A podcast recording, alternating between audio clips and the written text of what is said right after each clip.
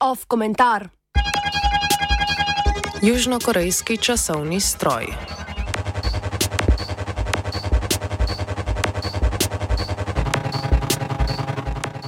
Prejšnjo sredo je v Južni Koreji v veljavo stopil zakon, s katerim ukinjajo tradicionalni sistem štetja starosti in ga zamenjujejo z mednarodnim sistemom, kot ga uporabljajo v večini drugih držav, tudi v Sloveniji.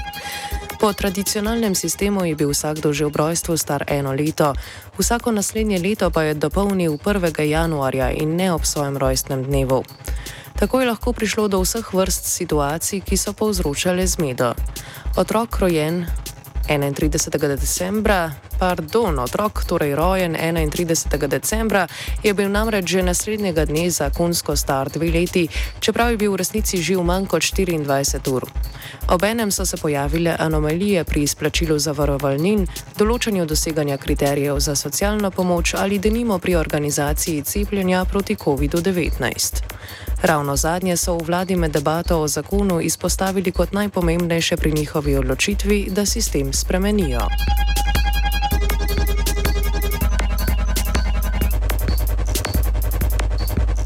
Takšen ali podoben sistem so uporabljali na Japonskem, Kitajskem, v Vietnamu in obeh Korejah. Čeprav del prebivalstva v naštetih državah v vsakdanjem življenju še vedno uporablja tradicionalni način štetja let, so ga vse države zakonsko odpravile dolgo pred Južno Korejo. Japonska je to storila na začetku 20. stoletja, druge države, razen Južne Koreje, med socialističnimi reformami za poenotenje sistema z državami Varšavskega pakta.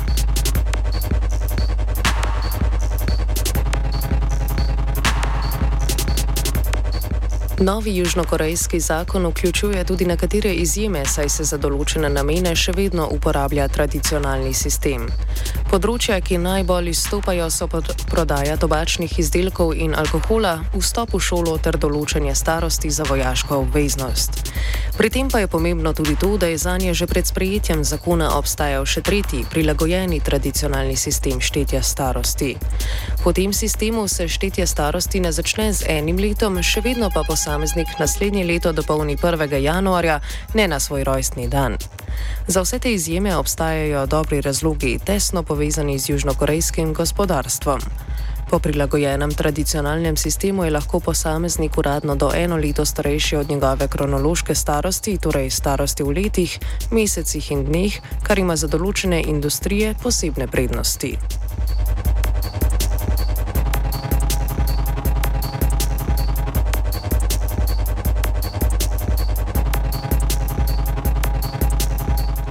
Alkohol in tobačne izdelke lahko nekateri kupijo še preden kronološko dopolnijo 19 let, kolikor je po prilagojenem tradicionalnem sistemu zakonsko določena meja za nakup takih izdelkov. Tako bi z uvedbo novega sistema tobačna in alkoholna industrija izgubili do pol milijona potencijalnih potrošnikov letno.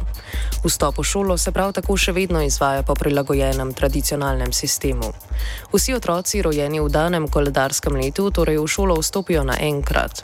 To je v nasprotju z vedno bolj pogosto prakso evropskih in ameriških šol, da otroci, rojeni od septembra do decembra, v šolo vstopijo leto kasneje. Južnokorejske šole pogosto posnemajo predvsem ameriške in britanske šole od oblikovanja kurikuluma do oblačilnih pravil, zato lahko sklepamo, da bi to storili tudi pri starosti ob vstopu v šolo, če bi jim zakon to dovoljeval. To pa pomeni, da bi otroci rojeni konec leta na trg delovne sile vstopili leto kasneje.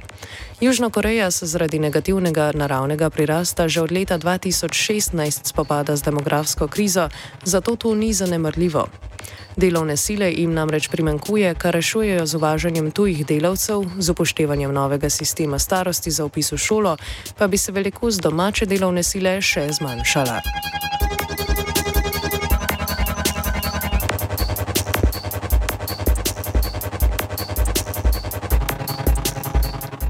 Zadnje pomembno področje pa je vojska. Južnokorejski moški med 18 in 35 letom morajo v vojski odslužiti od 18 do 21 mesecev, odvisno od veje vojske, v kateri služijo.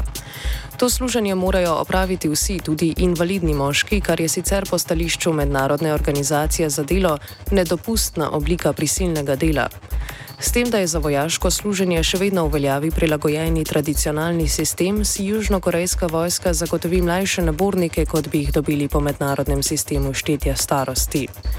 Tako je namreč najvišja možna kronološka starost nabornikov na začetku služenja 27 let, z uvedbo novega sistema starosti pa bi se lahko dvignila tudi na 28 let. To v teoriji ni velik dvig, a pomeni temeljito spremembo dinamike nekaterih področji korejske družbe. 28-letni moški imajo namreč bolj verjetno že ustvarjeno družino in više korporativne položaje kot njihovi leto mlajši kolegi.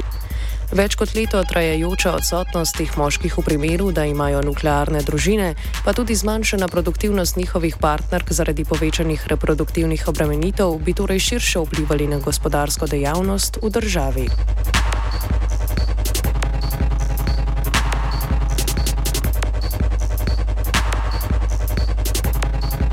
Na nekaterih drugih področjih pa je ravno obratno, saj je južnokorejskemu državnemu aparatu pogosto v korist znižanje starosti prebivalcev.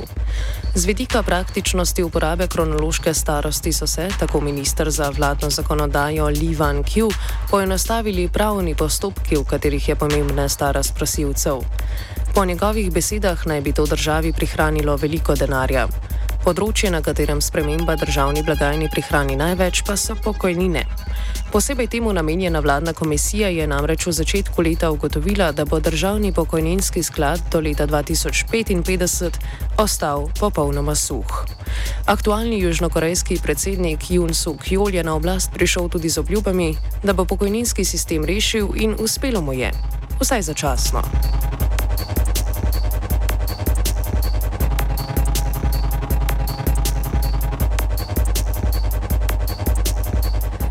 Z nižanjem zakonske starosti prebivalstva se je namreč v praksi tudi podaljšala delovna doba.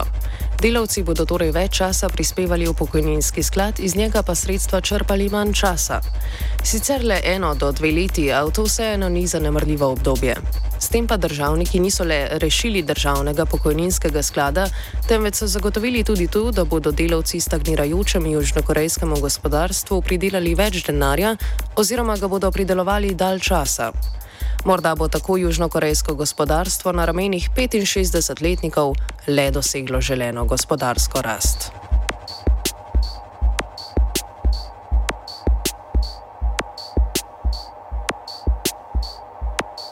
Komentiral je Luka.